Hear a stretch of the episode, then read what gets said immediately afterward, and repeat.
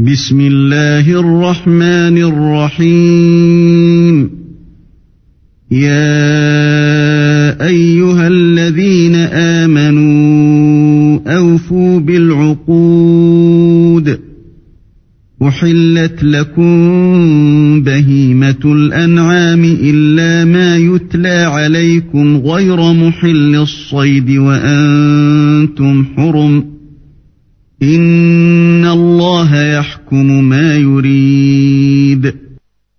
d'Allah le tout miséricordieux, le très miséricordieux. Ô les croyants, remplissez fidèlement vos engagements. Vous est permise la bête du cheptel, sauf ce qui sera énoncé comme étant interdit. Ne vous permettez point la chasse alors que vous êtes en état d'irham. Allah, en vérité, décide ce qu'il veut. يا أيها الذين آمنوا لا تحلوا شعائر الله ولا الشهر الحرام ولا الشهر الحرام ولا الهدي ولا القلائد ولا آمين البيت الحرام يبتغون فضلاً يبتغون فضلا من ربهم ورضوانا وإذا حللتم فاصطادوا ولا يجرمنكم شنآن قوم أن صدوكم عن المسجد الحرام أن تعتدوا وتعاونوا على البر والتقوى ولا تعاونوا على الإثم والعدوان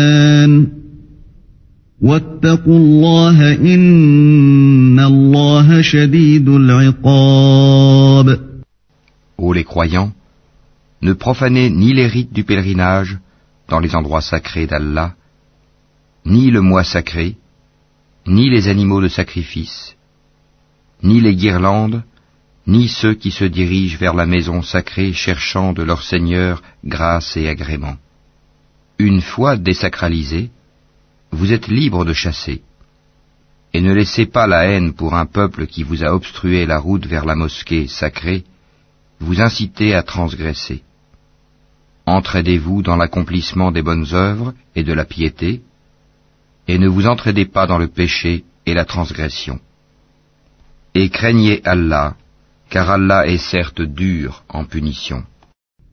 حرمت عليكم الميتة والدم ولحم الخنزير وما أهل لغير الله به والمنخنقة والمنخنقة والموقوذة والمتردية والنطيحة وما أكل السبع إلا ما ذكيتم ۖ وما أكل السبع إلا ما ذكيتم وما ذبح على النصب وأن تستقسموا بالأزلام ذلكم فسق اليوم يئس الذين كفروا من دينكم فلا تخشوهم واخشون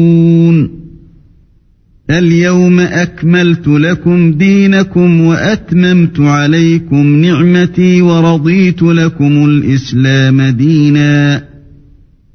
فمن اضطر في مخمصة غير متجانف لإثم فإن الله غفور رحيم. Vous sont interdits la bête trouvée morte, le sang, la chair de porc, ce sur quoi on a invoqué un autre nom que celui d'Allah, la bête étouffée, la bête assommée ou morte d'une chute, ou morte d'un coup de corne, et celle qu'une bête féroce a dévorée, sauf celle que vous égorgez avant qu'elle ne soit morte. Vous sont interdits aussi la bête qu'on a immolée sur les pierres dressées, ainsi que de procéder au partage par tirage au sort au moyen de flèches car cela est perversité. Aujourd'hui, les mécréants désespèrent de vous détourner de votre religion. Ne les craignez donc pas, et craignez-moi. Aujourd'hui, J'ai parachevé pour vous votre religion et accompli sur vous mon bienfait. Et j'agrée l'islam comme religion pour vous. Si quelqu'un est contraint par la faim, sans inclination vers le péché, alors Allah est pardonneur et miséricordieux.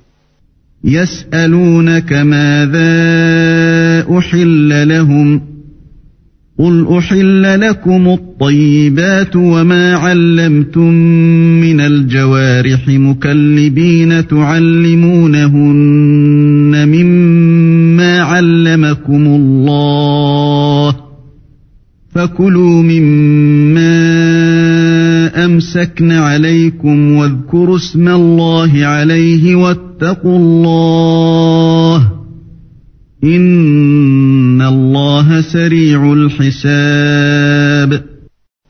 Il t'interroge sur ce qui leur est permis.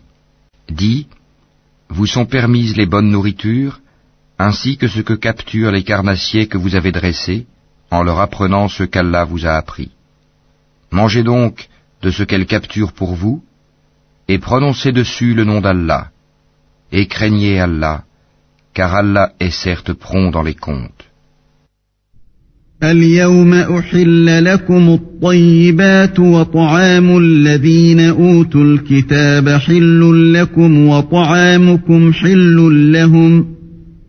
والمحصنات من المؤمنات والمحصنات من الذين أوتوا الكتاب من قبلكم إذا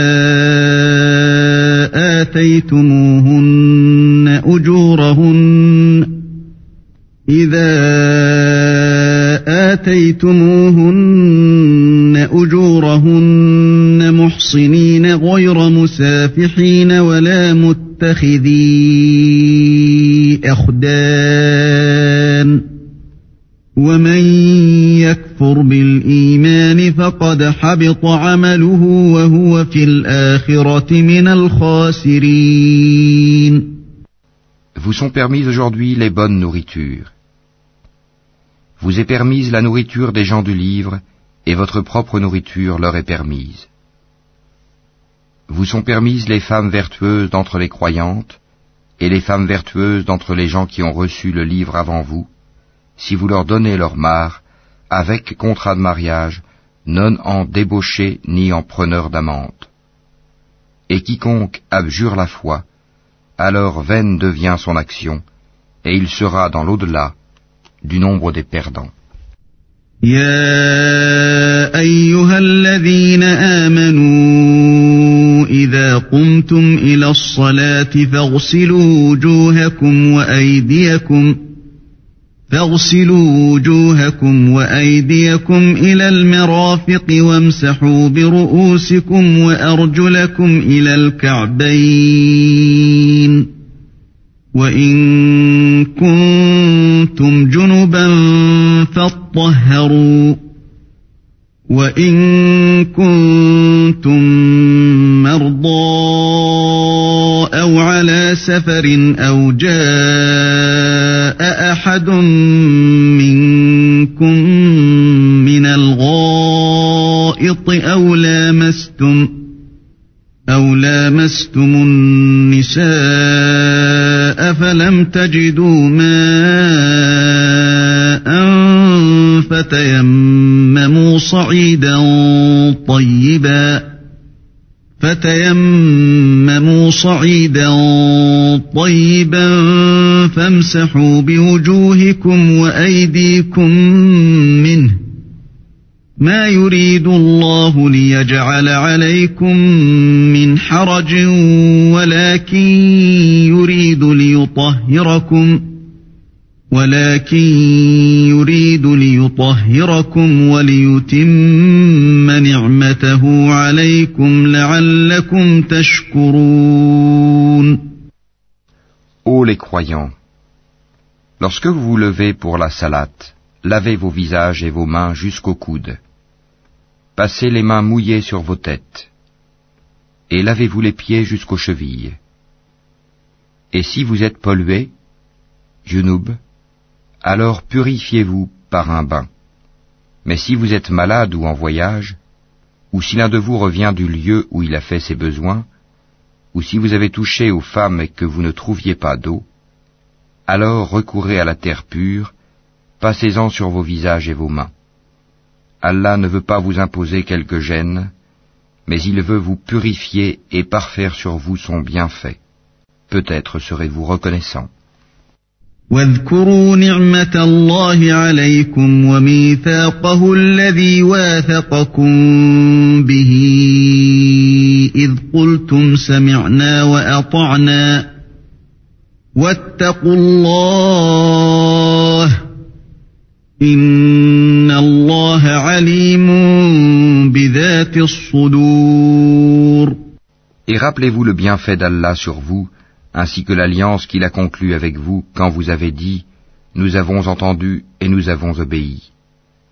Et craignez Allah, car Allah connaît parfaitement le contenu des cœurs.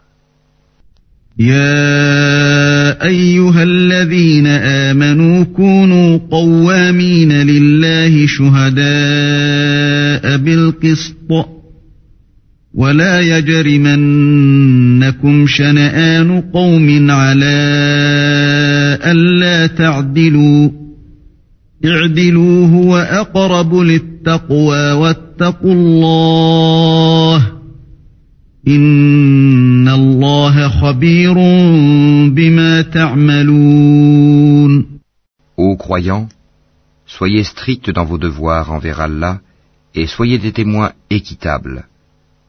Et que la haine pour un peuple ne vous incite pas à être injuste. Pratiquez l'équité, cela est plus proche de la piété.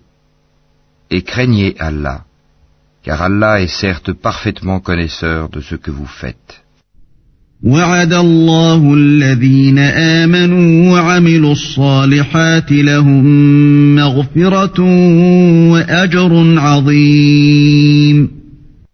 Allah a promis à ceux qui croient et font de bonnes œuvres qu'il y aura pour eux un pardon et une énorme récompense.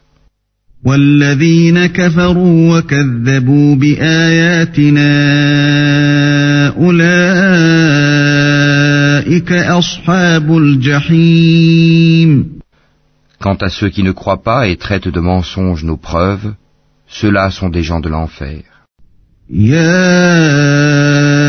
أيها الذين آمنوا اذكروا نعمة الله عليكم إذ هم قوم أن يبسطوا إليكم أيديهم إذ هم قوم أن يبسطوا إليكم أيديهم فكف أيديهم عنكم واتقوا الله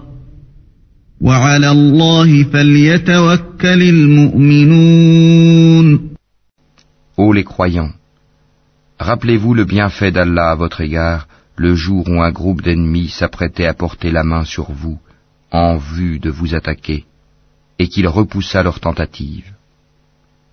Et craignez Allah, c'est en Allah que les croyants doivent mettre leur confiance. ولقد أخذ الله ميثاق بني إسرائيل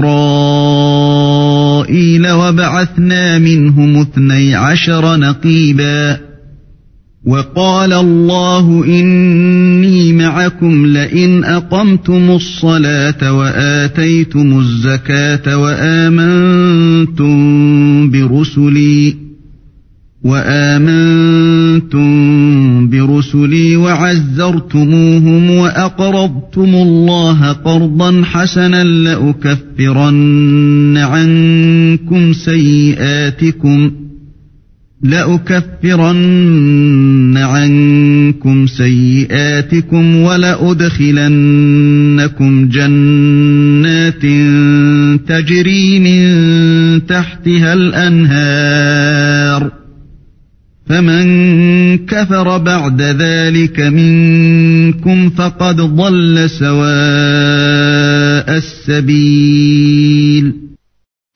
Et Allah certes prit l'engagement des enfants d'Israël.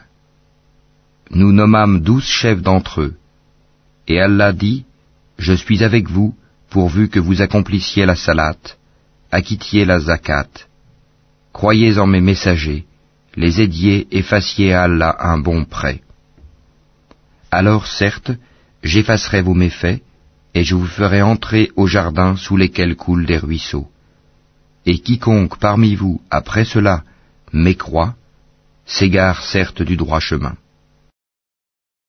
فبما نقضهم ميثاقهم لعناهم وجعلنا قلوبهم قاسية يحرفون الكلم يحرفون الكلم عن مواضعه ونسوا حظا مما ذكروا به ولا تزال تطلع على خائنة منهم إلا قليلا منهم فاعف عنهم واصفح إن الله يحب المحسنين Et puis, à cause de leur violation de l'engagement, nous les avons maudits et endurci leur cœur. Ils détournent les paroles de leur sens et oublient une partie de ce qui leur a été rappelé.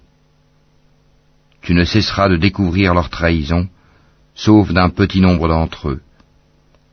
Pardonne-leur donc et oublie leurs fautes, car Allah aime certes les bienfaisants. ومن الذين قالوا إنا نصارى أخذنا ميثاقهم فنسوا حظا فنسوا حظا مما ذكروا به فأغرينا بينهم العداوة والبغضاء إلى يوم القيامة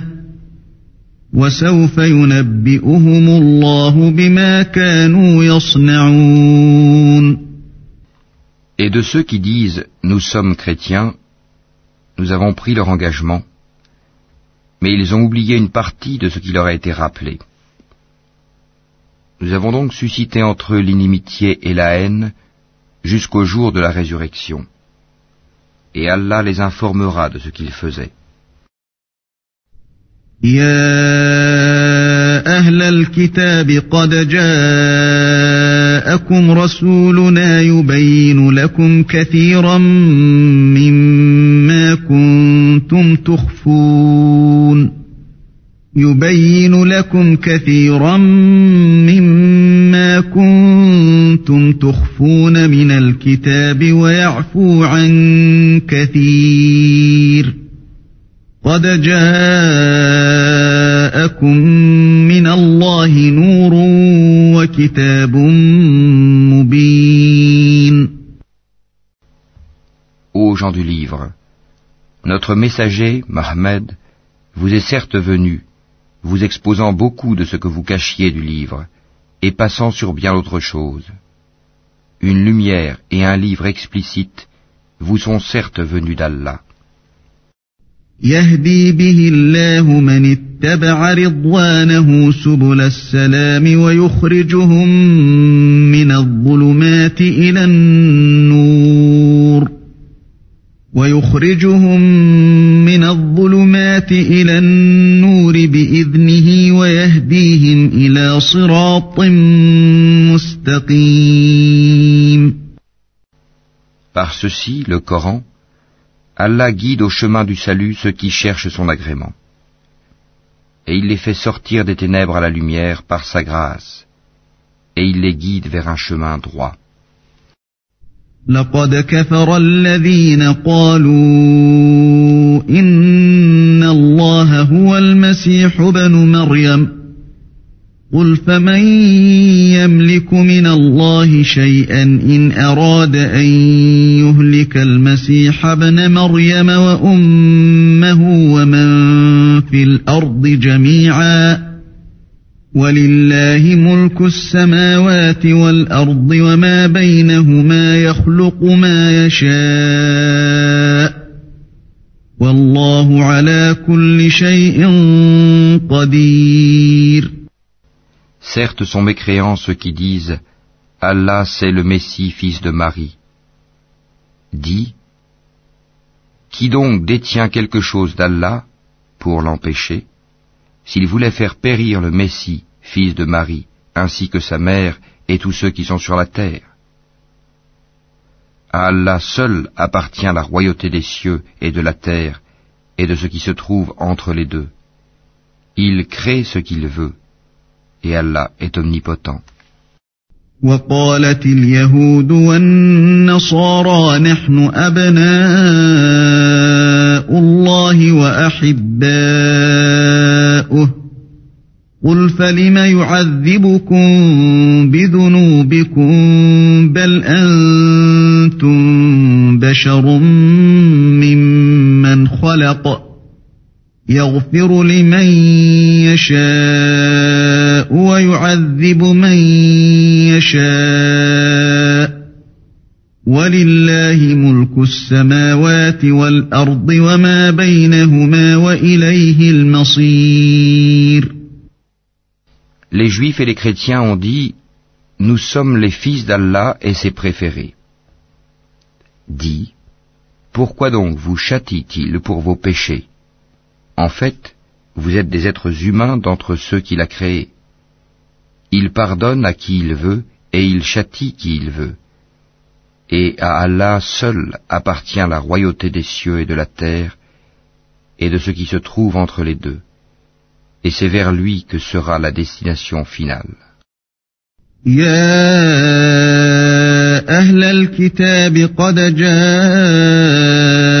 جاءكم رسولنا يبين لكم على فترة من الرسل أن تقولوا ما جاءنا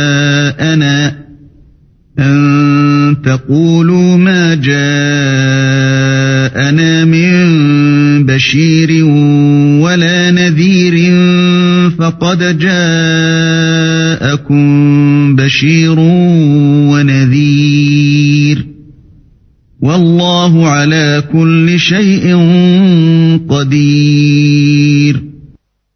Ô gens du livre, notre messager Mohammed est venu pour vous éclairer après une interruption des messagers, afin que vous ne disiez pas Il ne nous est venu ni annonciateur ni avertisseur. Voilà, certes, que vous est venu un annonciateur et un avertisseur. Et Allah est omnipotent. وإذ قال موسى لقومه يا قوم اذكروا نعمة الله عليكم إذ جعل فيكم أنبياء وجعلكم ملوكا وجعلكم ملوكا وآتاكم ما لم يؤت أحدا من العالمين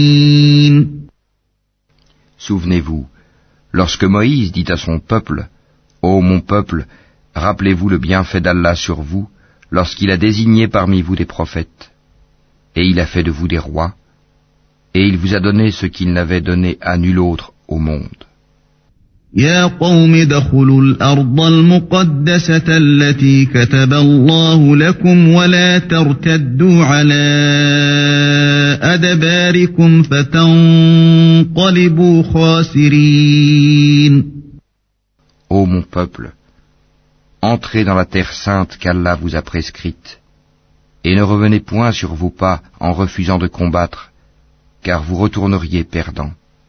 قالوا يا موسى إن فيها قوما جبارين وإنا لن ندخلها وإنا لن ندخلها حتى يخرجوا منها فإن يخرجوا منها فإنا داخلون.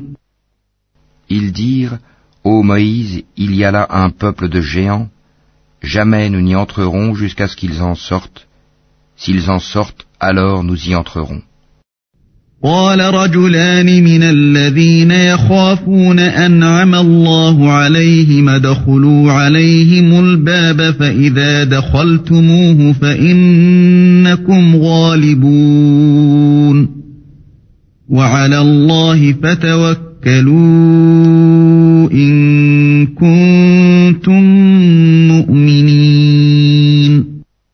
Deux hommes, d'entre ceux qui craignaient Allah et qui étaient comblés par lui de bienfaits dirent Entrez chez eux par la porte, puis quand vous y serez entrés, vous serez sans doute les dominants. Et c'est en Allah qu'il faut avoir confiance si vous êtes croyants.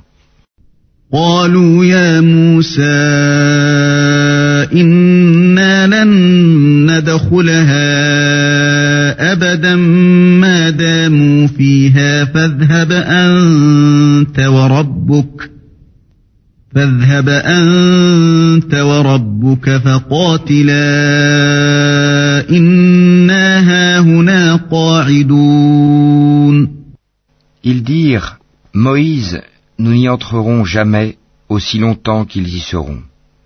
Va donc, toi et ton Seigneur, et combattez tous deux, nous restons là où nous sommes. قال رب إني لا أملك إلا نفسي وأخي فافرق بيننا وبين القوم الفاسقين Il dit, Seigneur, je n'ai de pouvoir vraiment que sur moi-même et sur mon frère, sépare-nous donc de ce peuple pervers. قال فإنها محرمة عليهم أربعين سنة يتيهون في الأرض فلا تأس على القوم الفاسقين Allah dit, Eh bien, ce pays leur sera interdit pendant quarante ans, durant lesquels ils erreront sur la terre. Ne te tourmente donc pas pour ce peuple pervers. واتل عليهم نبأ بني آدم بالحق إذ قربا قربانا فتقبل من أحدهما ولم يتقبل من الآخر ولم يتقبل من الآخر قال لأقتلنك قال إنما يتقبل الله من المتقين et raconte-leur en toute vérité l'histoire des deux fils d'Adam. Les deux offrirent des sacrifices. Celui de l'un fut accepté, et celui de l'autre ne le fut pas. Celui-ci dit, Je te tuerai sûrement. Allah n'accepte, dit l'autre, que de la part des pieux.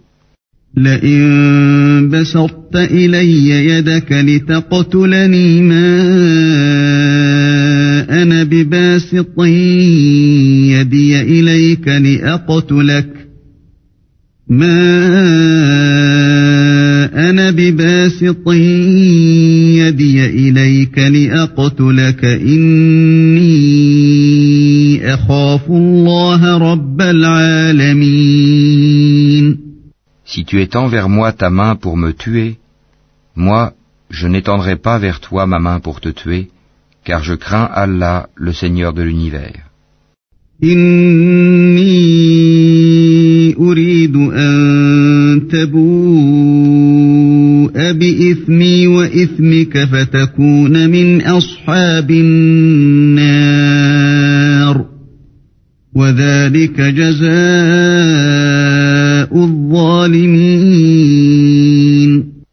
Je veux que tu partes avec le péché de m'avoir tué et avec ton propre péché.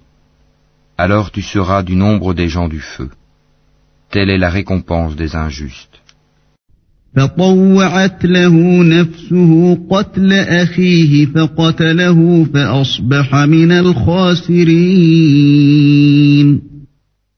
Son âme l'incita à tuer son frère. Il le tua donc et devint ainsi du nombre des perdants.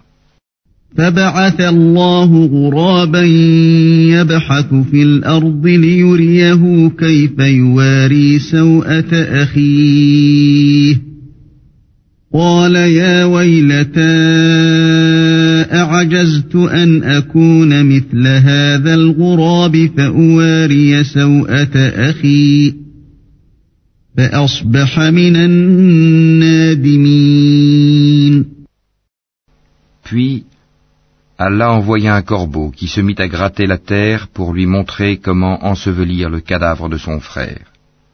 Il dit, Malheur à moi, suis-je incapable d'être comme ce corbeau à même d'ensevelir le cadavre de mon frère Il devint alors du nombre de ceux que ronge le remords. من أجل ذلك كتبنا على بني إسرائيل أنه من قتل نفسا أنه من قتل نفسا بغير نفس أو فساد في الأرض فكأنما قتل الناس جميعا. فكأنما قتل الناس جميعا ومن أحياها فكأنما أحيا الناس جميعا ولقد جاءتهم رسلنا بالبينات ثم إن كثيرا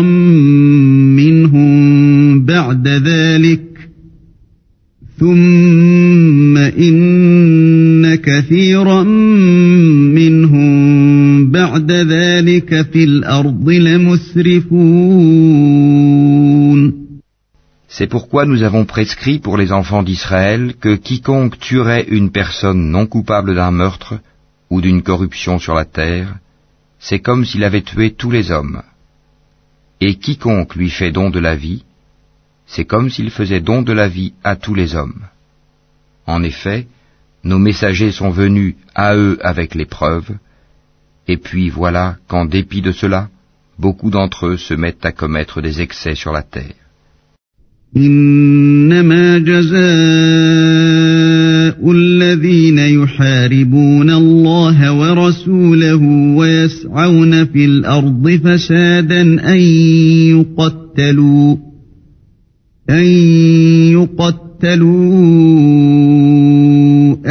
يصلبوا أو تقطع أيديهم وأرجلهم من خلاف أو ينفوا من الأرض ذلك لهم خزي في الدنيا ولهم في الآخرة عذاب عظيم. La récompense de ceux qui font la guerre contre Allah et son messager et qui s'efforcent de semer la corruption sur la terre, c'est qu'ils soient tués ou crucifiés, ou que soient coupées leurs mains et leurs jambes opposées, ou qu'ils soient expulsés du pays. Ce sera pour eux l'ignominie ici-bas, et dans l'au-delà, il y aura pour eux un énorme châtiment. إلا الذين تابوا من قبل أن تقدروا عليهم فاعلموا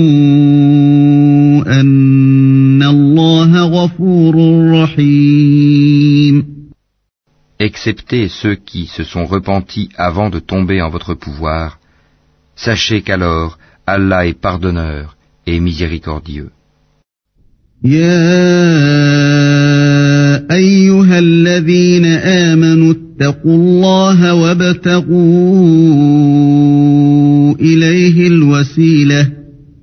وابتغوا إليه الوسيلة وجاهدوا في سبيله لعلكم تفلحون Ô les croyants, craignez Allah, cherchez le moyen de vous rapprocher de lui et luttez pour sa cause. Peut-être serez-vous de ceux qui réussissent. إن الذين كفروا لو أن لهم ما في الأرض جميعا ومثله معه ليفتدوا به ليفتدوا به من عذاب يوم القيامة ما تقبل منهم ولهم عذاب أليم Si les mécréants possédaient tout ce qui est sur la terre et autant encore pour se racheter du châtiment du jour de la résurrection, on ne l'accepterait pas d'eux. Et pour eux, il y aura un châtiment douloureux. يريدون أن يخرجوا من النار وما هم بخارجين منها ولهم عذاب مقيم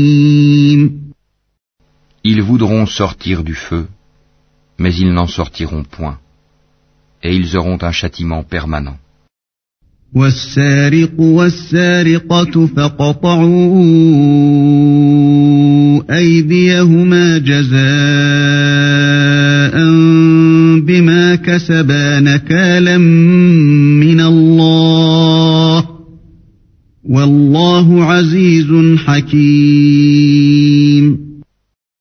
Le voleur et la voleuse, à tous deux couper la main, en punition de ce qu'ils se sont acquis, et comme châtiment de la part d'Allah. Allah est puissant et sage. فمن تاب من بعد ظلمه وأصلح فإن الله يتوب عليه إن الله غفور رحيم Mais quiconque se repent après son tort et se réforme, Allah accepte son repentir, car Allah est certes pardonneur et miséricordieux. ألم تعلم أن الله له ملك السماوات والأرض يعذب من يشاء ويغفر لمن يشاء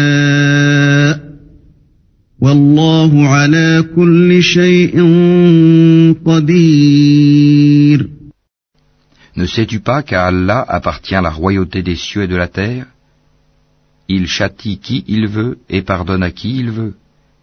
Et Allah est omnipotent. يا أيها الرسول لا يحزنك الذين يسارعون في الكفر من الذين قالوا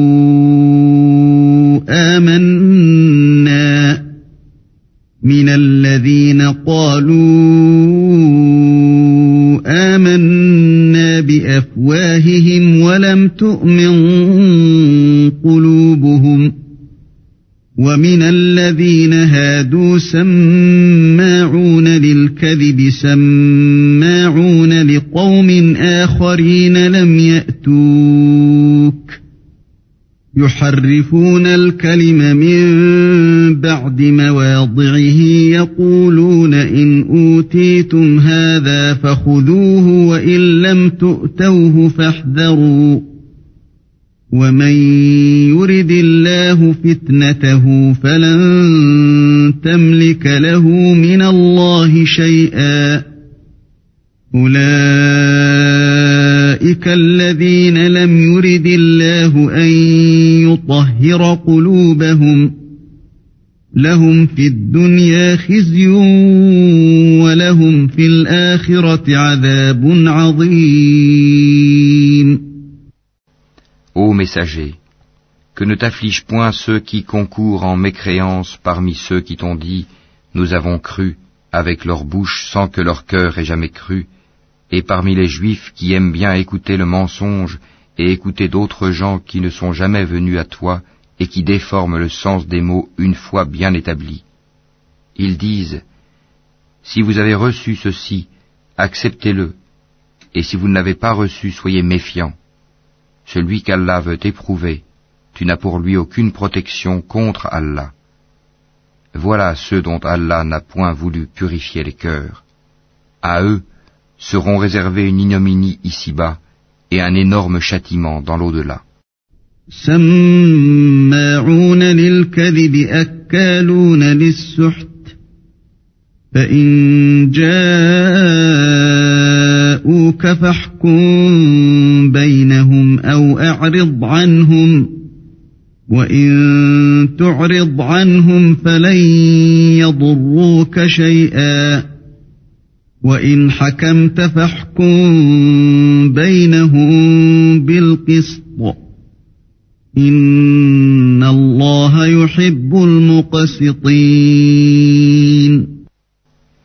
sont attentifs aux mensonges et voraces de gains illicites. S'ils viennent à toi, sois juge entre eux ou détourne-toi d'eux.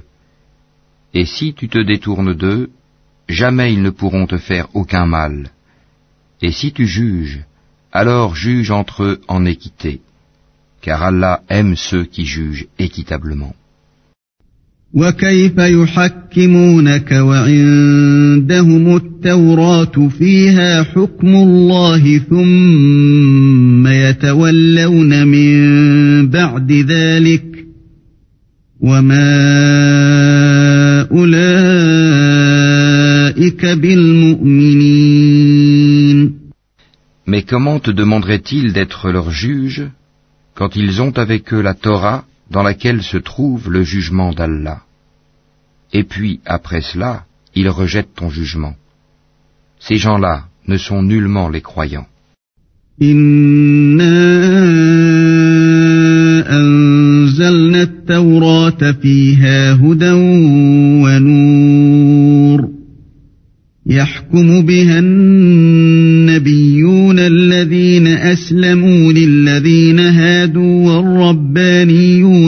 والأحبار والربانيون والأحبار بما استحفظوا من كتاب الله وكانوا عليه شهداء فلا تخشوا الناس واخشوني ولا تشتروا بآياتي ثمنا قليلا ومن لم يحكم بما الله فأولئك هم الكافرون Nous avons fait descendre la Torah dans laquelle il y a guide et lumière C'est sur sa base que les prophètes qui se sont soumis à Allah, ainsi que les rabbins et les docteurs, jugent les affaires des Juifs. Car on leur a confié la garde du livre d'Allah, et ils en sont les témoins. Ne craignez donc pas les gens, mais craignez-moi. Et ne vendez pas mes enseignements à vil prix. Et ceux qui ne jugent pas d'après ce qu'Allah a fait descendre, les voilà, les mécréants. وكتبنا عليهم فيها أن النفس بالنفس والعين بالعين والأنف بالأنف والأذن بالأذن والأذن بالأذن والسن بالسن والجروح قصاص. فمن تصدق به فهو كفارة له ومن لم يحكم بما أنزل الله فأولئك هم الظالمون. Et nous y avons prescrit pour eux vie pour vie, œil pour œil, nez pour nez, oreille pour oreille, dent pour dent. les blessures tombent sous la loi du talion. Après, quiconque y renonce par charité, cela lui vaudra une expiation. Et ceux qui ne jugent pas d'après ce qu'Allah a fait descendre, ceux-là sont des injustes. وقفينا على آثارهم بعيسى بن مريم مصدقا لما بين يديه من التوراة وآتيناه الإنجيل فيه هدى ونور ومصدقا لما بين يديه من التوراة وهدى وموعظة للمتقين Et nous avons envoyé après eux Jésus, fils de Marie, pour confirmer ce qu'il y avait dans la Torah avant lui. Et nous lui avons donné l'Évangile, où il y a guide et lumière, pour confirmer ce qu'il y avait dans la Torah avant lui, et un guide et une exhortation pour les pieux. وليحكم أهل الإنجيل بما أنزل الله فيه ومن لم يحكم بما أنزل الله فأولئك هم الفاسقون que les gens de l'Évangile jugent d'après ce qu'Allah y a fait descendre. Ceux qui ne jugent pas d'après ce qu'Allah a fait descendre, ceux-là sont les pervers. وأنزلنا إليك الكتاب بالحق مصدقا لما بين يديه من الكتاب ومهيمنا عليه. فاحكم بينهم بما أنزل الله ولا تتبع أهواءهم ولا تتبع أهواءهم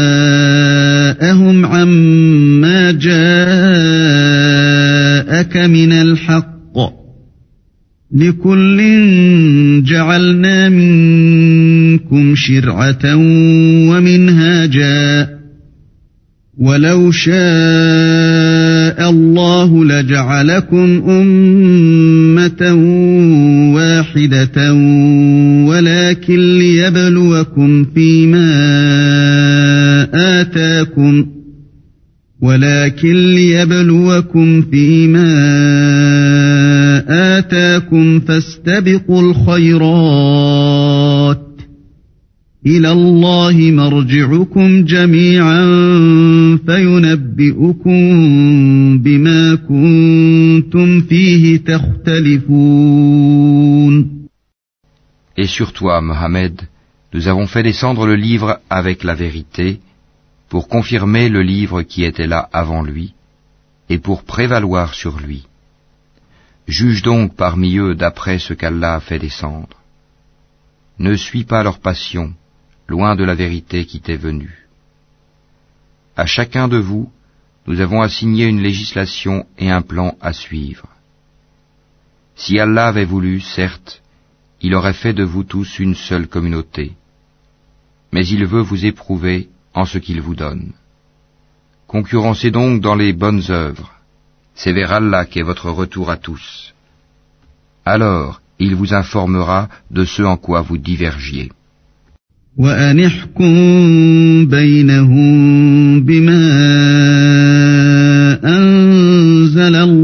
ولا تتبع أهواءهم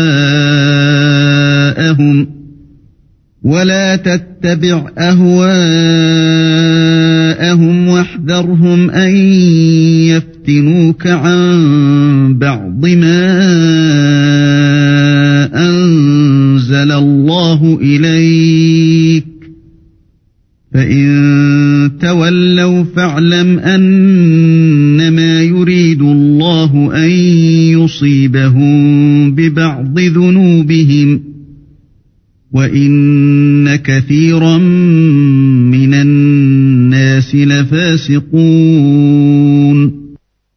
Juge alors parmi eux d'après ce qu'Allah a fait descendre. Ne suis pas leur passion, et prends garde qu'ils ne tentent de t'éloigner d'une partie de ce qu'Allah t'a révélé. Et puis, s'ils refusent le jugement révélé, sache qu'Allah veut les affliger ici-bas pour une partie de leurs péchés. Beaucoup de gens, certes, sont des pervers.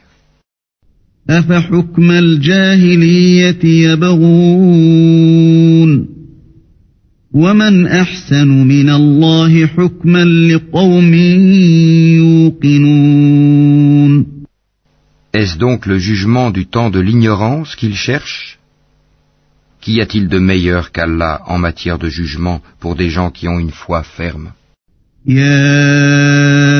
أيها الذين آمنوا لا تتخذوا اليهود والنصارى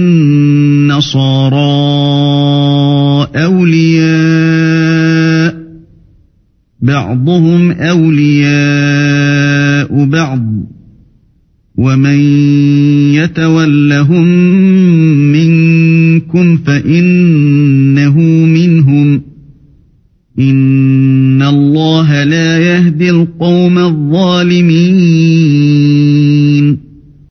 Ô les croyants, ne prenez pas pour alliés les juifs et les chrétiens.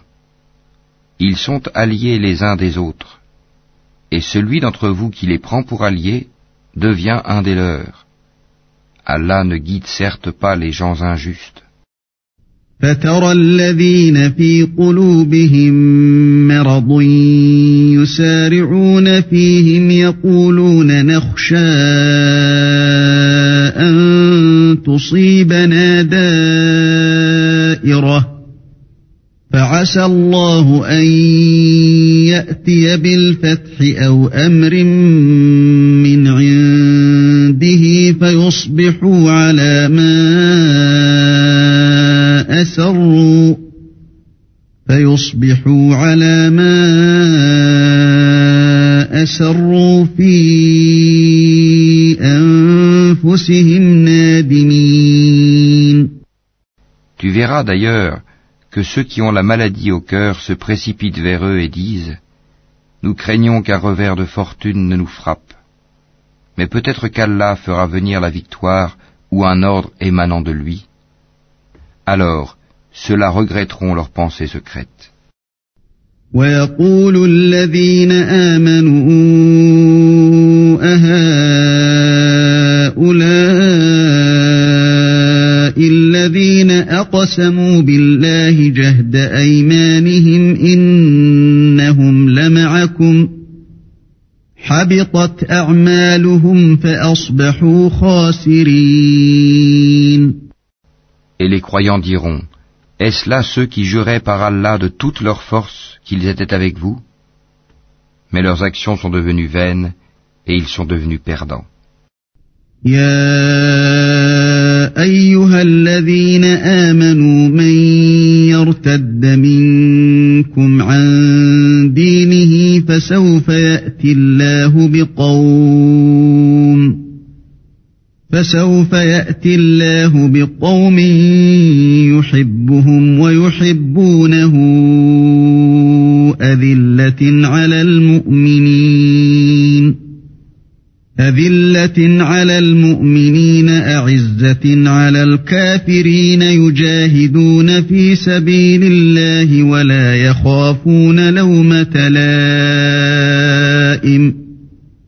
ذلك فضل الله يؤتيه من يشاء والله واسع عليم Ô les croyants, quiconque parmi vous apostasie de sa religion, Allah va faire venir un peuple qu'il aime et qui l'aime, modeste envers les croyants et fier et puissant envers les mécréants, qui lutte dans le sentier d'Allah, ne craignant le blâme d'aucun blâmeur.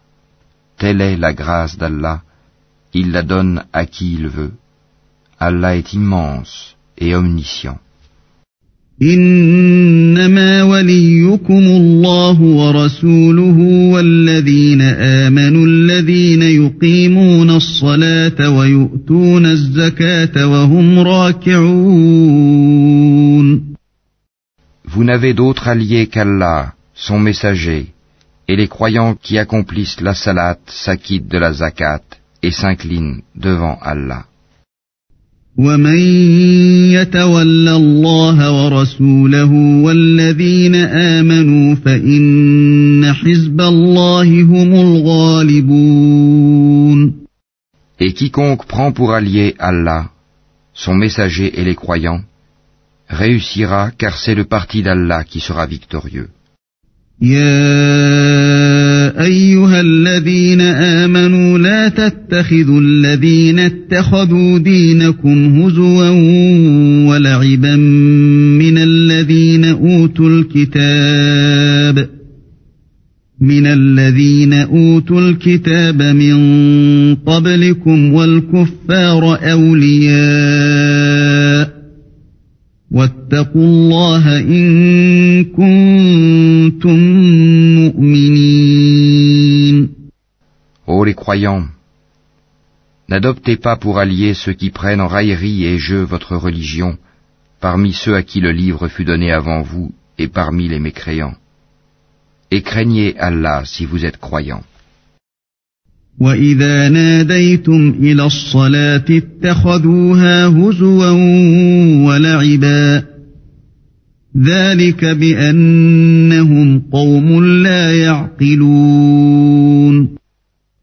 Et lorsque vous faites l'appel à la salate, ils la prennent en raillerie et jeu.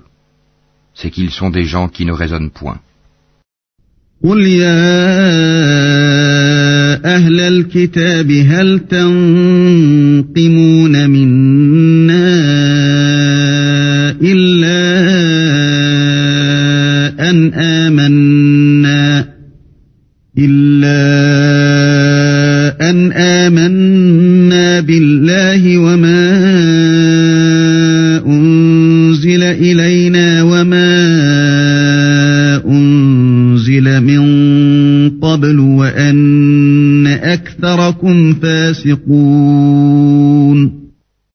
Dis, ô gens du livre, est-ce que vous nous reprochez autre chose que de croire en Allah, à ce qu'on a fait descendre vers nous et à ce qu'on a fait descendre auparavant Mais la plupart d'entre vous sont des pervers.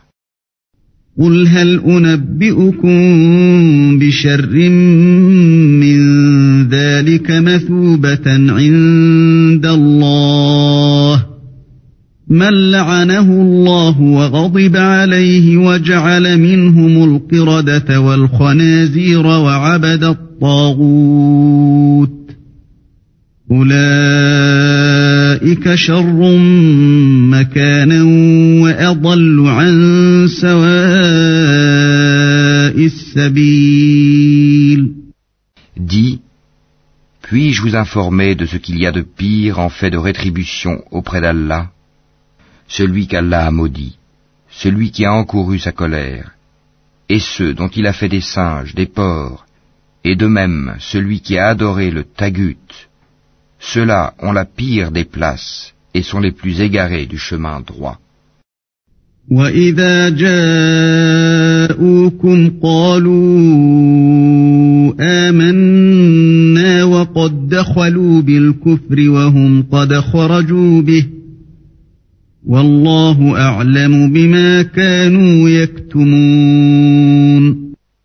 Lorsqu'ils viennent chez vous, ils disent Nous croyons, alors qu'ils sont entrés avec la mécréance et qu'ils sont sortis avec. Et Allah sait parfaitement ce qu'ils cachent. وترى كثيرا منهم يسارعون في الإثم والعدوان وأكلهم السحت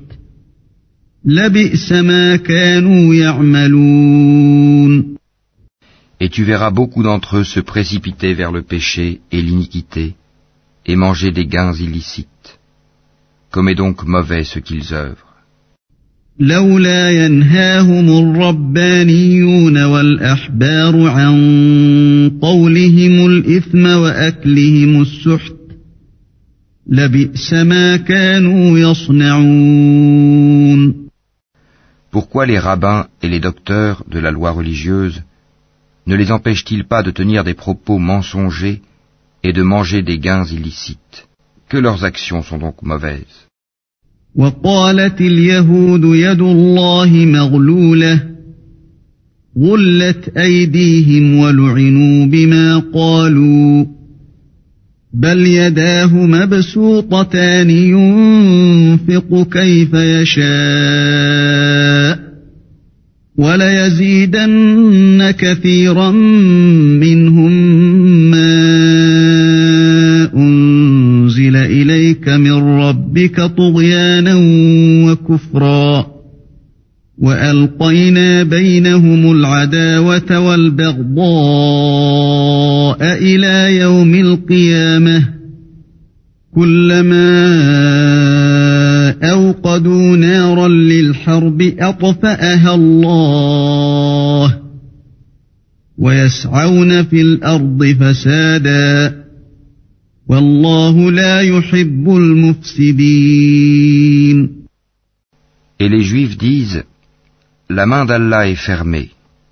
Que leur propre main soit fermée et maudit soit-il pour l'avoir dit.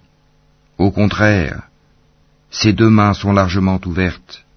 Il distribue ses dons comme il veut. Et certes, ce qui a été descendu vers toi de la part de ton Seigneur va faire beaucoup croître parmi eux la rébellion et la mécréance. Nous avons jeté parmi eux l'inimitié et la haine jusqu'au jour de la résurrection. Toutes les fois qu'ils allument un feu pour la guerre, Allah l'éteint, et ils s'efforcent de semer le désordre sur la terre, alors qu'Allah n'aime pas les semeurs de désordre. ولو أن أهل الكتاب آمنوا واتقوا لكفرنا عنهم سيئاتهم ولأدخلناهم جنات النعيم Si les gens du livre avaient la foi et la piété,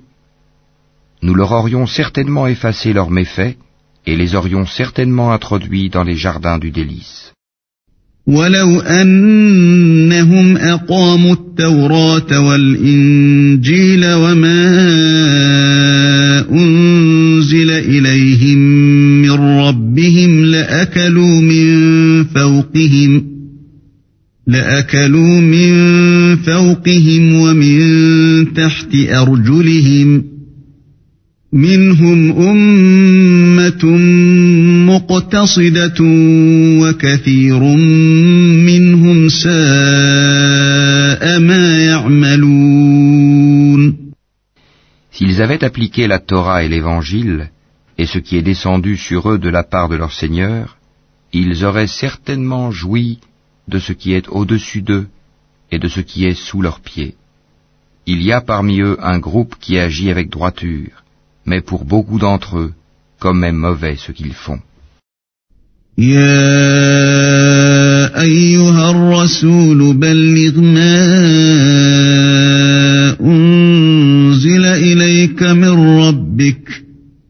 بلغ ما أنزل إليك من ربك وإن لم تفعل فما بلغت رسالته والله يعصمك من الناس إن الله لا يهدي القوم الكافرين Ô messager, transmets ce qui t'a été descendu de la part de ton Seigneur. Si tu ne le faisais pas, alors tu n'aurais pas communiqué son message, et Allah te protégera des gens. Certes, Allah ne guide pas les gens mécréants.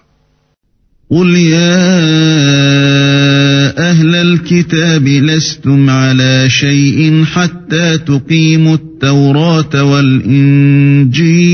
والإنجيل حتى تقيموا التوراة والإنجيل وما أنزل إليكم من ربكم وليزيدن كثيرا منهم ما أنزل إليك من ربك طغيانا وكفرا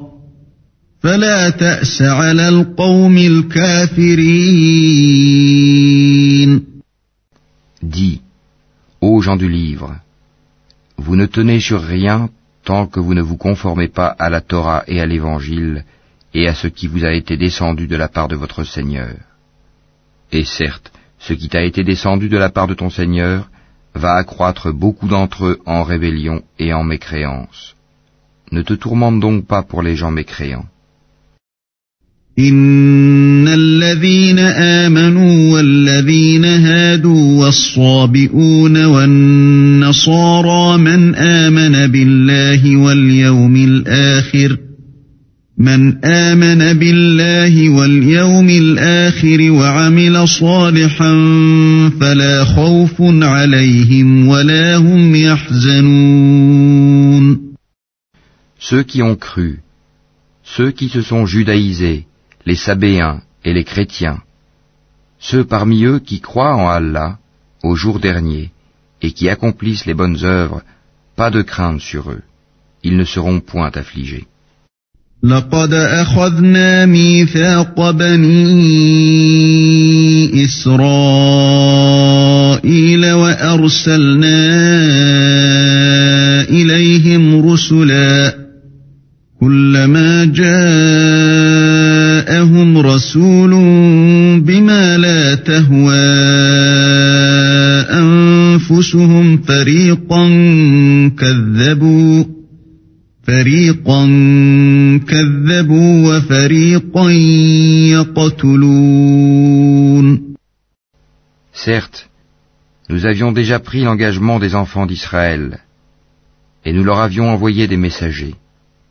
Mais chaque fois qu'un messager leur vient avec ce qu'ils ne désirent pas, ils en traitent certains de menteurs et ils en tuent d'autres.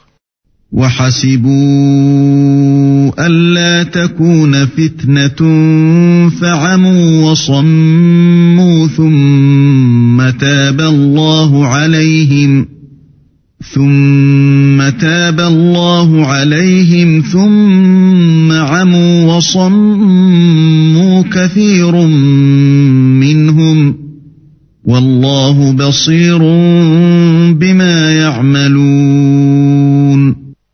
Comptant qu'il n'y aurait pas de sanction contre eux, ils étaient devenus aveugles et sourds. Puis Allah accueillit leur repentir. Ensuite, beaucoup d'entre eux redevinrent aveugles et sourds, et Allah voit parfaitement ce qu'ils font. لقد كفر الذين قالوا إن الله هو المسيح بن مريم وقال المسيح يا بني إسرائيل اعبدوا الله ربي وربكم إنه من يشرك بالله فقد حرم الله عليه الجنة ومأواه النار وما للظالمين من أنصار Ce sont certes des mécréants ceux qui disent En vérité Allah c'est le Messie fils de Marie, alors que le Messie a dit Ô enfants d'Israël, adorez Allah mon Seigneur et votre Seigneur. Quiconque associe à Allah d'autres divinités, Allah lui interdit le paradis, et son refuge sera le feu. Et pour les injustes, pas de secoureur. لقد كفر الذين قالوا إن الله ثالث ثلاثة وما من إله إلا إله واحد وإن لم ينتهوا عما يقولون ليمسن الذين كفروا منهم sont certes des mécréants ceux qui disent En vérité, Allah est le troisième de trois, alors qu'il n'y a de divinité qu'une divinité unique. Et s'ils ne cessent de le dire, certes, un châtiment douloureux touchera les mécréants d'entre eux. أفلا يتوبون إلى الله ويستغفرونه والله غفور رحيم Ne vont-ils donc pas se repentir à Allah et implorer son pardon Car Allah est pardonneur et miséricordieux. ما المسيح ابن مريم إلا رسول قد خلت من قبله الرسل وأمه صديقة وأمه صديقة كانا يأكلان الطعام انظر كيف نبين لهم الآيات ثم انظر أنا يؤفكون Le Messie, fils de Marie, n'était qu'un messager. Des messagers sont passés avant lui, et sa mère était une véridique. Et tous deux consommaient de la nourriture. Vois comme nous leur expliquons les preuves, et puis vois comme ils se détournent. قل أتعبدون من دون الله ما لا يملك لكم ضرا ولا نفعا والله هو السميع العليم Dis, adorez-vous au lieu d'Allah ce qui n'a le pouvoir de vous faire ni le mal ni le bien Or c'est Allah qui est l'audient et l'omniscient. قل يا أهل الكتاب لا تغلوا في دينكم غير الحق ولا تتبعوا أهواء قوم ولا تتبعوا أهواء قوم قد ضلوا من قبل وأضلوا كثيرا وأضلوا كثيرا وضلوا عن سواء السبيل Dis, ô gens du livre, n'exagérez pas en votre religion, s'opposant à la vérité. Ne suivez pas les passions des gens qui se sont égarés avant cela, qui ont égaré beaucoup de monde, et qui se sont égarés du chemin droit. لعن الذين كفروا من بني إسرائيل على لسان داود وعيسى بن مريم ذلك بما عصوا وكانوا يعتدون Ceux des enfants d'Israël qui n'avaient pas cru ont été maudits par la bouche de David et de Jésus fils de Marie, parce qu'ils désobéissaient et transgressaient.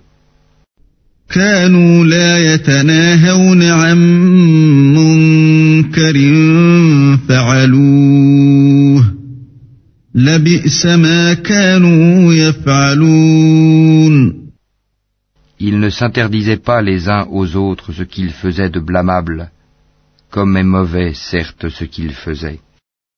ترى كثيرا منهم يتولون الذين كفروا لبئس ما قدمت لهم انفسهم ان سخط الله عليهم وفي العذاب هم خالدون Tu vois beaucoup d'entre eux s'allier aux mécréants. Comme est mauvais, certes, ce que leurs âmes ont préparé pour eux-mêmes,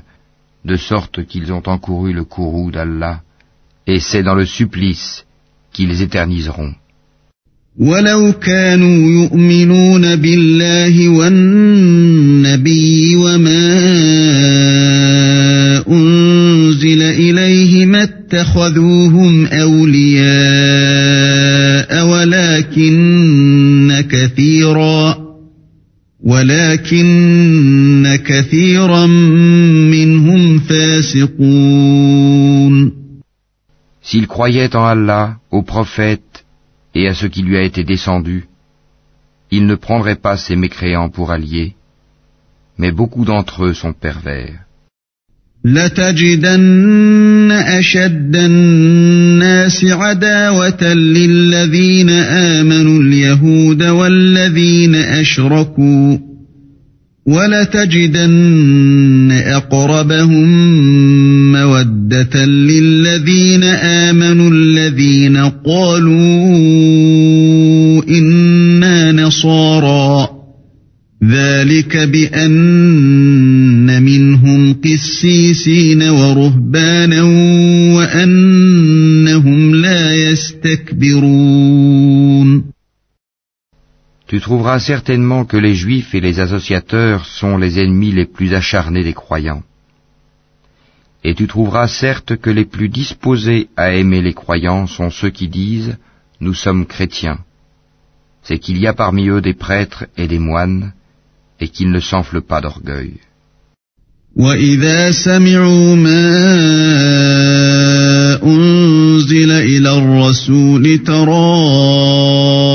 أعينهم تفيض من الدمع مما عرفوا من الحق يقولون يقولون ربنا آمنا فاكتبنا مع الشاهدين. Et quand ils entendent ce qui a été descendu sur le messager Mohammed, tu vois leurs yeux débordés de larmes, parce qu'ils ont reconnu la vérité.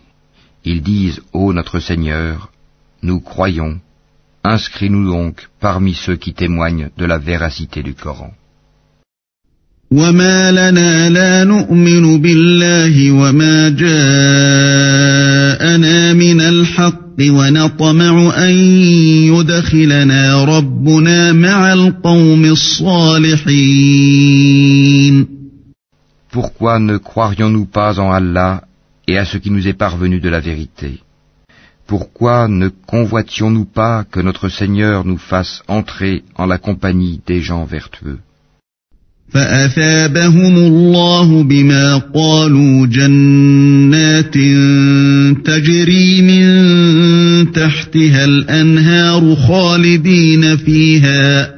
جزاء المحسنين Allah donc les récompense pour ce qu'ils disent, par des jardins sous lesquels coulent les ruisseaux, où ils demeureront éternellement. Telle est la récompense des bienfaisants. والذين كفروا وكذبوا بآياتنا أولئك أصحاب الجحيم Et quant à ceux qui ne croient pas et qui traitent de mensonges nos versets, ce sont les gens de la fournaise. يا أيها الذين آمنوا لا تحرموا طيبات ما أحل الله لكم ولا تعتدوا إن الله لا يحب المعتدين Ô les croyants, ne déclarez pas illicites les bonnes choses qu'Allah vous a rendues licites, et ne transgressez pas. Allah, en vérité, n'aime pas les transgresseurs.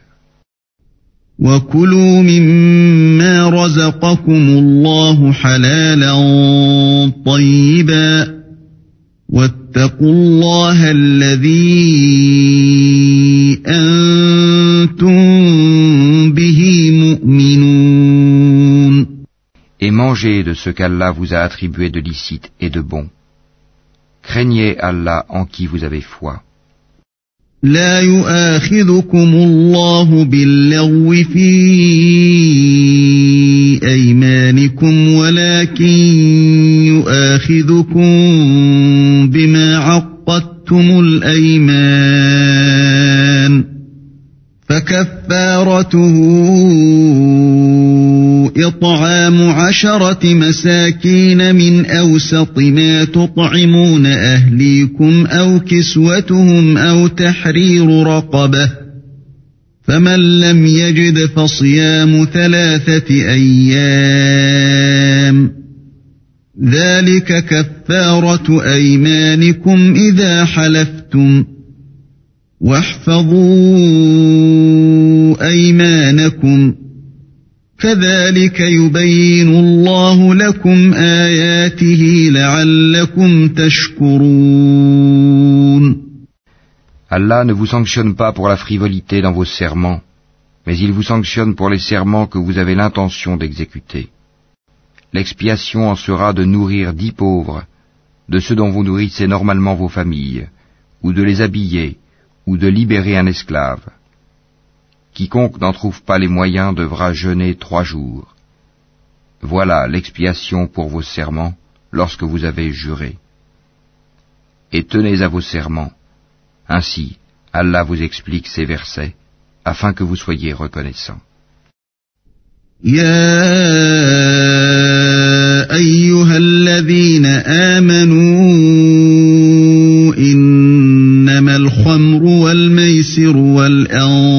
يا أيها الذين آمنوا إنما الخمر والميسر والأنصاب والأزلام والأنصاب والأزلام رجس من عمل الشيطان فاجتنبوه لعلكم تفلحون Ô les croyants, le vin, le jeu de hasard, les pierres dressées, les flèches de divination ne sont qu'une abomination œuvre du diable. Écartez-vous-en afin que vous réussissiez. إنما يريد الشيطان أن يوقع بينكم العداوة والبغضاء في الخمر والميسر ويصدكم ويصدكم عن ذكر الله وعن الصلاة فهل أنتم منتهون Le diable ne veut que jeter parmi vous, à travers le vin et le jeu de hasard, l'inimitié et la haine, et vous détourner d'invoquer Allah et de la salate. Allez-vous donc y mettre fin?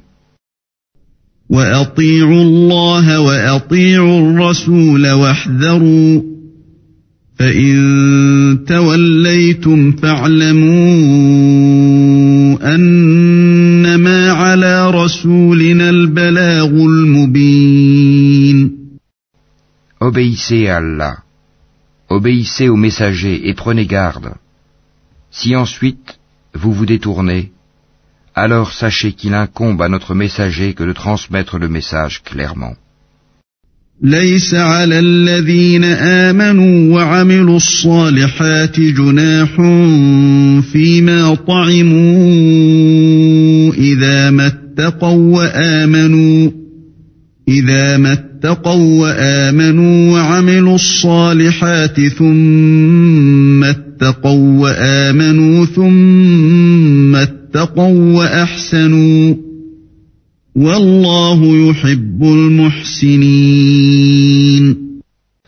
Ce n'est pas un péché pour ceux qui ont la foi et font de bonnes œuvres en ce qu'ils ont consommé du vin et des gains des jeux de hasard avant leur prohibition, pourvu qu'ils soient pieux, en évitant les choses interdites après en avoir eu connaissance, et qu'ils croient, en acceptant leur prohibition, et qu'ils fassent de bonnes œuvres, puis qu'ils continuent d'être pieux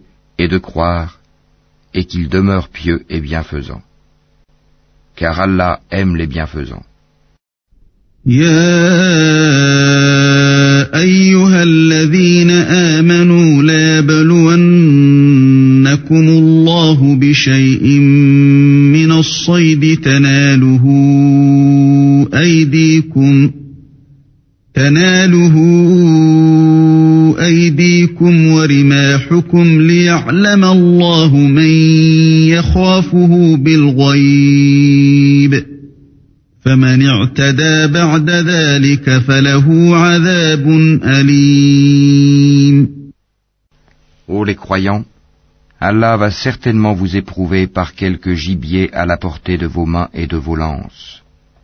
C'est pour qu'Allah sache celui qui le craint en secret.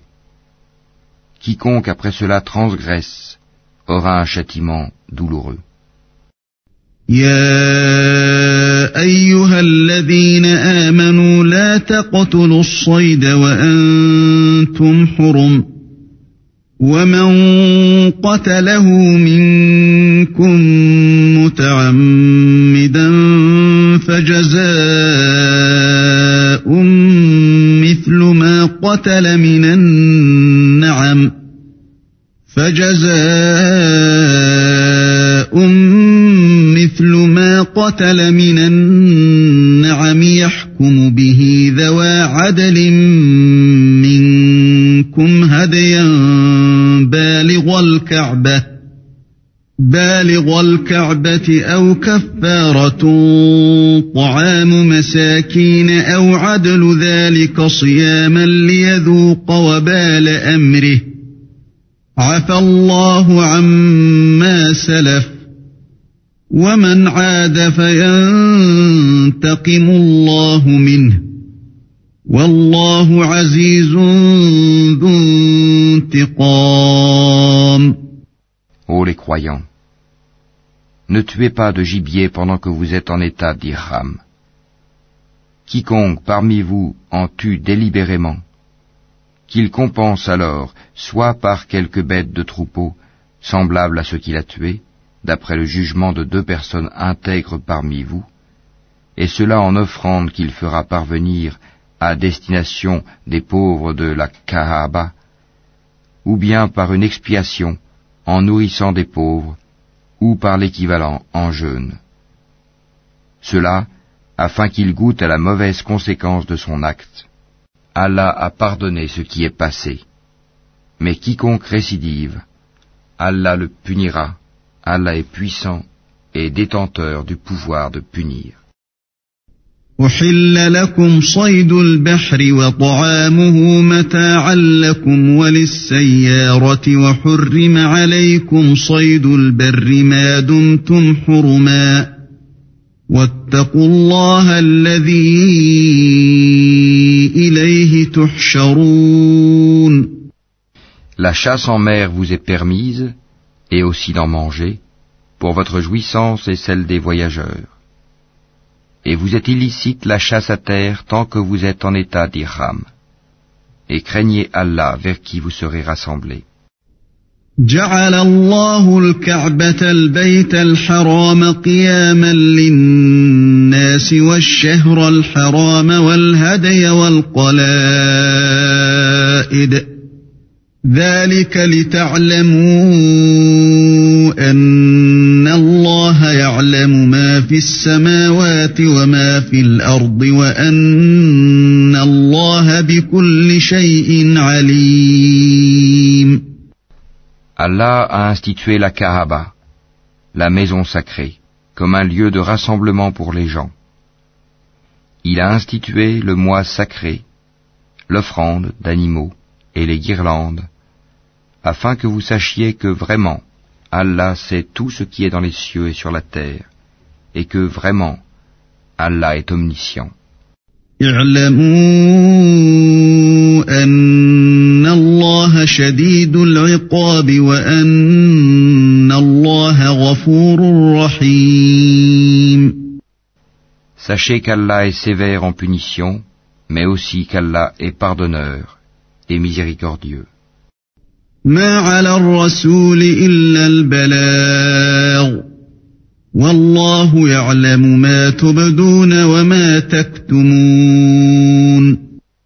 Il n'incombe au messager que de transmettre le message. Et Allah sait ce que vous divulguez, tout comme ce que vous cachez. قل لا يستوي الخبيث والطيب ولو أعجبك كثرة الخبيث فاتقوا الله يا أولي الألباب لعلكم تفلحون Dis, le mauvais et le bon ne sont pas semblables, même si l'abondance du mal te séduit. Craignez Allah donc, ô gens intelligents. afin que vous réussissiez. يا أيها الذين آمنوا لا تسألوا عن أشياء إن تبد لكم تسؤكم إن تبد لكم تسؤكم وإن تسألوا عنها حين ينزل القرآن تبد لكم عفى الله عنها.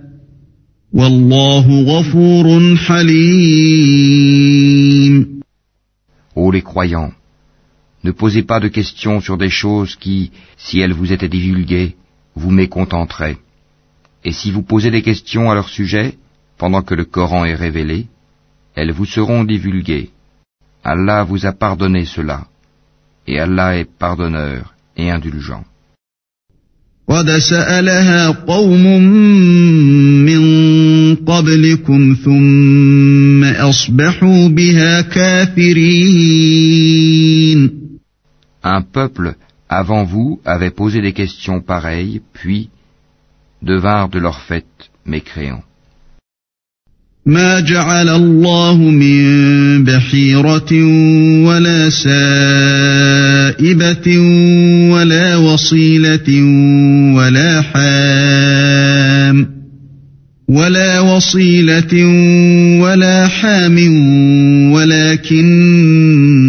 الذين كفروا يفترون على الله الكذب وأكثرهم لا يعقلون Allah n'a pas institué la Baïra, la Saïba, la Voisila ni le Ham, mais ceux qui ont mécru ont inventé ce mensonge contre Allah, et la plupart d'entre eux ne raisonnent pas. وإذا قيل لهم تعالوا إلى ما أنزل الله وإلى الرسول قالوا حسبنا قالوا حسبنا ما وجدنا عليه آباءنا أولو كان آباؤهم لا يعلمون شيئا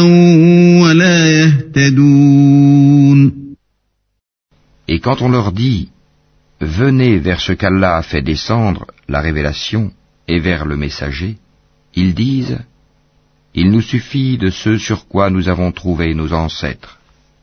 Quoi? Même si leurs ancêtres ne savaient rien et n'étaient pas sur le bon chemin?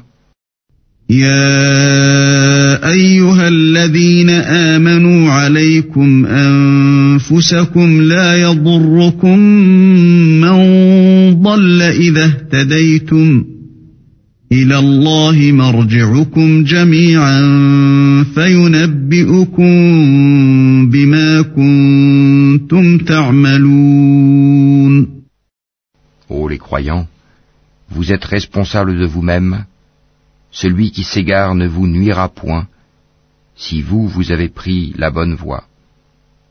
C'est vers Allah que vous retournerez tous. Alors, il vous informera de ce que vous faisiez. يا أيها الذين آمنوا شهادة بينكم إذا حضر أحدكم الموت حين الوصية إذا حضر أحدكم الموت حين الوصية اثنان ذوى عدل منكم أو آخران من غيركم ۖ أو آخران من غيركم إن أنتم ضربتم في الأرض فأصابتكم مصيبة الموت. تحبسونهما من بعد الصلاة فيقسمان بالله إن ارتبتم لا نشتري به ثمناً. لا نشتري به ثمنا ولو كان ذا قربى ولا نكتم شهادة الله ولا نكتم شهادة الله إنا إذا لمن الآثمين Ô les croyants, quand la mort se présente à l'un de vous, le testament sera attesté par deux hommes intègres d'entre vous. Ou deux autres, non des vôtres, si vous êtes en voyage dans le monde et que la mort vous frappe. Vous les retiendrez, les deux témoins, après la salate, puis, si vous avez des doutes, vous les ferez jurer par Allah. Nous ne faisons aucun commerce ou profit avec cela, même s'il s'agit d'un proche, et nous ne cacherons point le témoignage d'Allah, sinon nous serions du nombre des pécheurs. فإن عثر على أنهما استحقا إثما فآخران يقومان مقامهما فآخران يقومان مقامهما من الذين استحق عليهم الأوليان فيقسمان بالله فيقسمان بالله لشهادتنا أحق من شهادتهما وما اعتدينا وما اعتدينا إنا إذا لمن الظالمين. Si l'on découvre que ces deux témoins sont coupables de péché, deux autres plus intègres parmi ceux auxquels le tort a été fait prendront leur place et tous deux jureront par Allah, en vérité, notre témoignage est plus juste que le témoignage de ces deux-là, et nous ne transgressons point. Sinon, nous serions certainement du nombre des injustes. أن يأتوا بالشهادة على وجهها أو يخافوا أو يخافوا أن ترد أيمان بعد أيمانهم واتقوا الله واسمعوا C'est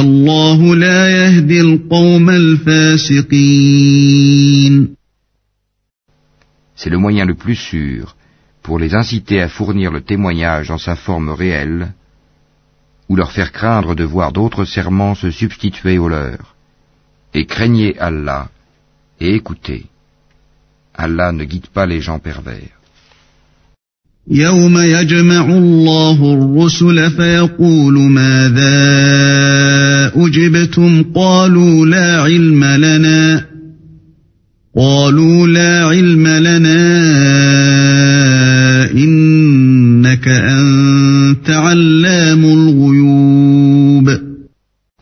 Rappelle-toi le jour où Allah rassemblera tous les messagers et qu'il dira Que vous a-t-on donné comme réponse Ils diront, Nous n'avons aucun savoir. C'est toi vraiment le grand connaisseur de tout ce qui est inconnu. إذ قال الله يا عيسى ابن مريم اذكر نعمتي عليك وعلى والدتك إذ أيدتك بروح القدس إذ أيدتك بروح القدس تكلم الناس في المهد وكهلا وإذ علمتك الكتاب والحكمة والتوراة والإنجيل وإذ تخلق من الطين كهيئة الطير بإذني فتنفخ فيها فتكون طيرا بإذني. وتبرئ الأكمه والأبرص بإذني وإذ تخرج الموتى بإذني وإذ كففت بني إسرائيل عنك إذ جئتهم بالبينات إذ جئتهم بالبينات فقال الذين كفروا منهم إن هذا إلا سحر مبين Et quand Allah dira, Ô Jésus, fils de Marie, rappelle-toi mon bienfait sur toi et sur ta mère quand je te fortifiais du Saint-Esprit. Au berceau tu parlais aux gens, tout comme en ton âge mûr. Je t'enseignais le livre, la sagesse, la Torah et l'Évangile. Tu fabriquais de l'argile comme une forme d'oiseau par ma permission, puis tu soufflais dedans. Alors, par ma permission, elle devenait oiseau, et tu guérissais par ma permission l'aveugle né et le lépreux, et par ma permission tu faisais revivre les morts. Je te protégeais contre les enfants d'Israël pendant que tu leur apportais l'épreuve, mais ceux d'entre eux qui ne croyaient pas dirent, Ceci n'est que de la magie évidente. وإذ أوحيت إلى الحواريين أن آمنوا بي وبرسولي قالوا آمنا واشهد بأننا مسلمون Et quand j'ai révélé aux apôtres ceci, Croyez en moi et en mon messager Jésus, ils dirent, Nous croyons, et attestent que nous sommes entièrement soumis. إذ قال الحواريون يا عيسى ابن مريم هل يستطيع ربك أن ينزل علينا مائدة من السماء قال اتقوا الله إن كنتم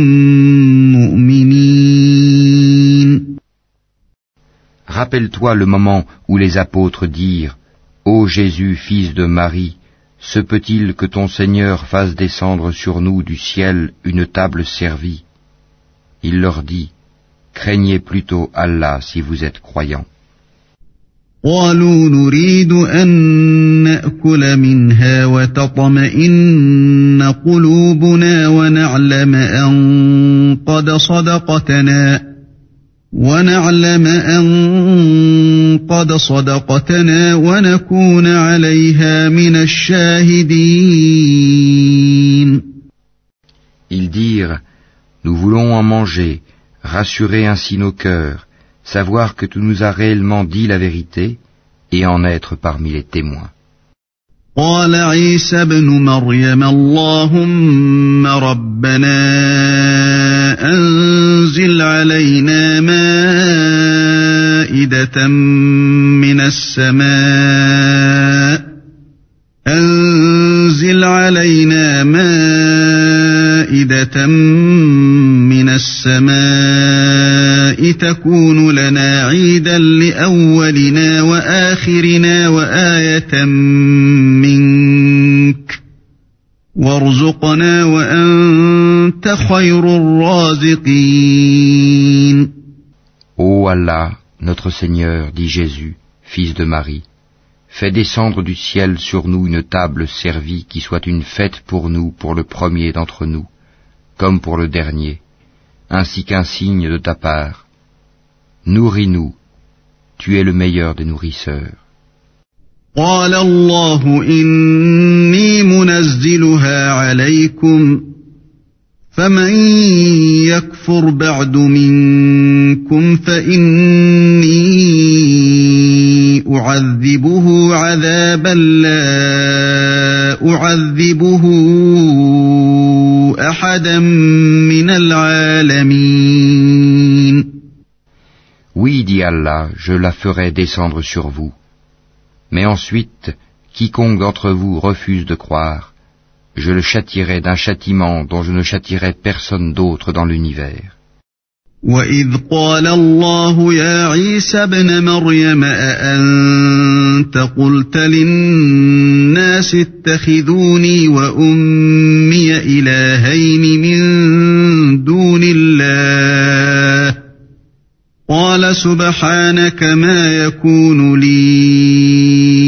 أن أقول ما ليس لي بحق.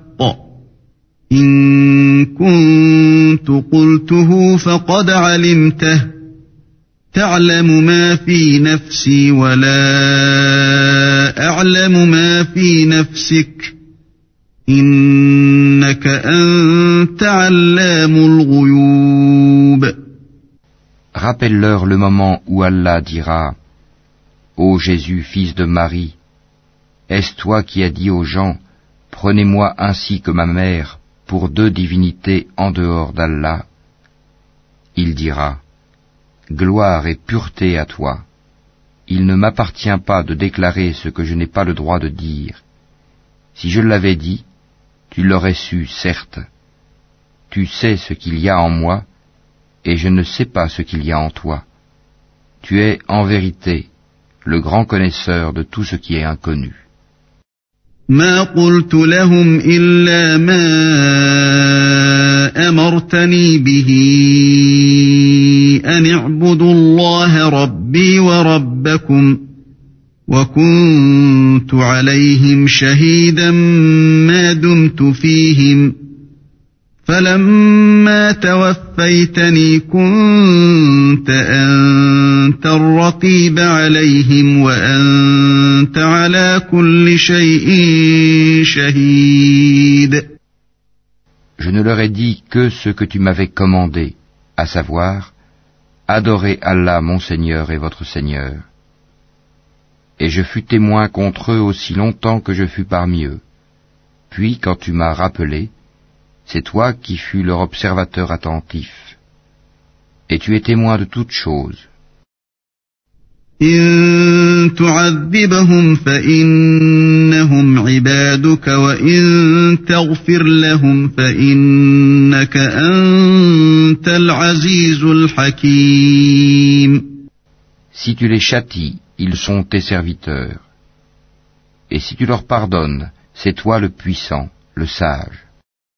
قال الله هذا يوم ينفع الصادقين صدقهم لهم جنات تجري من تحتها الأنهار خالدين فيها أبدا. رضي الله عنهم ورضوا عنه. ذلك الفوز العظيم. Allah dira, Voilà le jour où leur véracité va profiter aux véridiques. Ils auront des jardins sous lesquels coulent les ruisseaux pour y demeurer éternellement. Allah les a agréés et le l'ont agréé. Voilà l'énorme succès. لله ملك السماوات والأرض وما فيهن وهو على كل شيء قدير À Allah seul appartient le royaume des cieux, de la terre et de ce qu'il renferme, et il est omnipotent.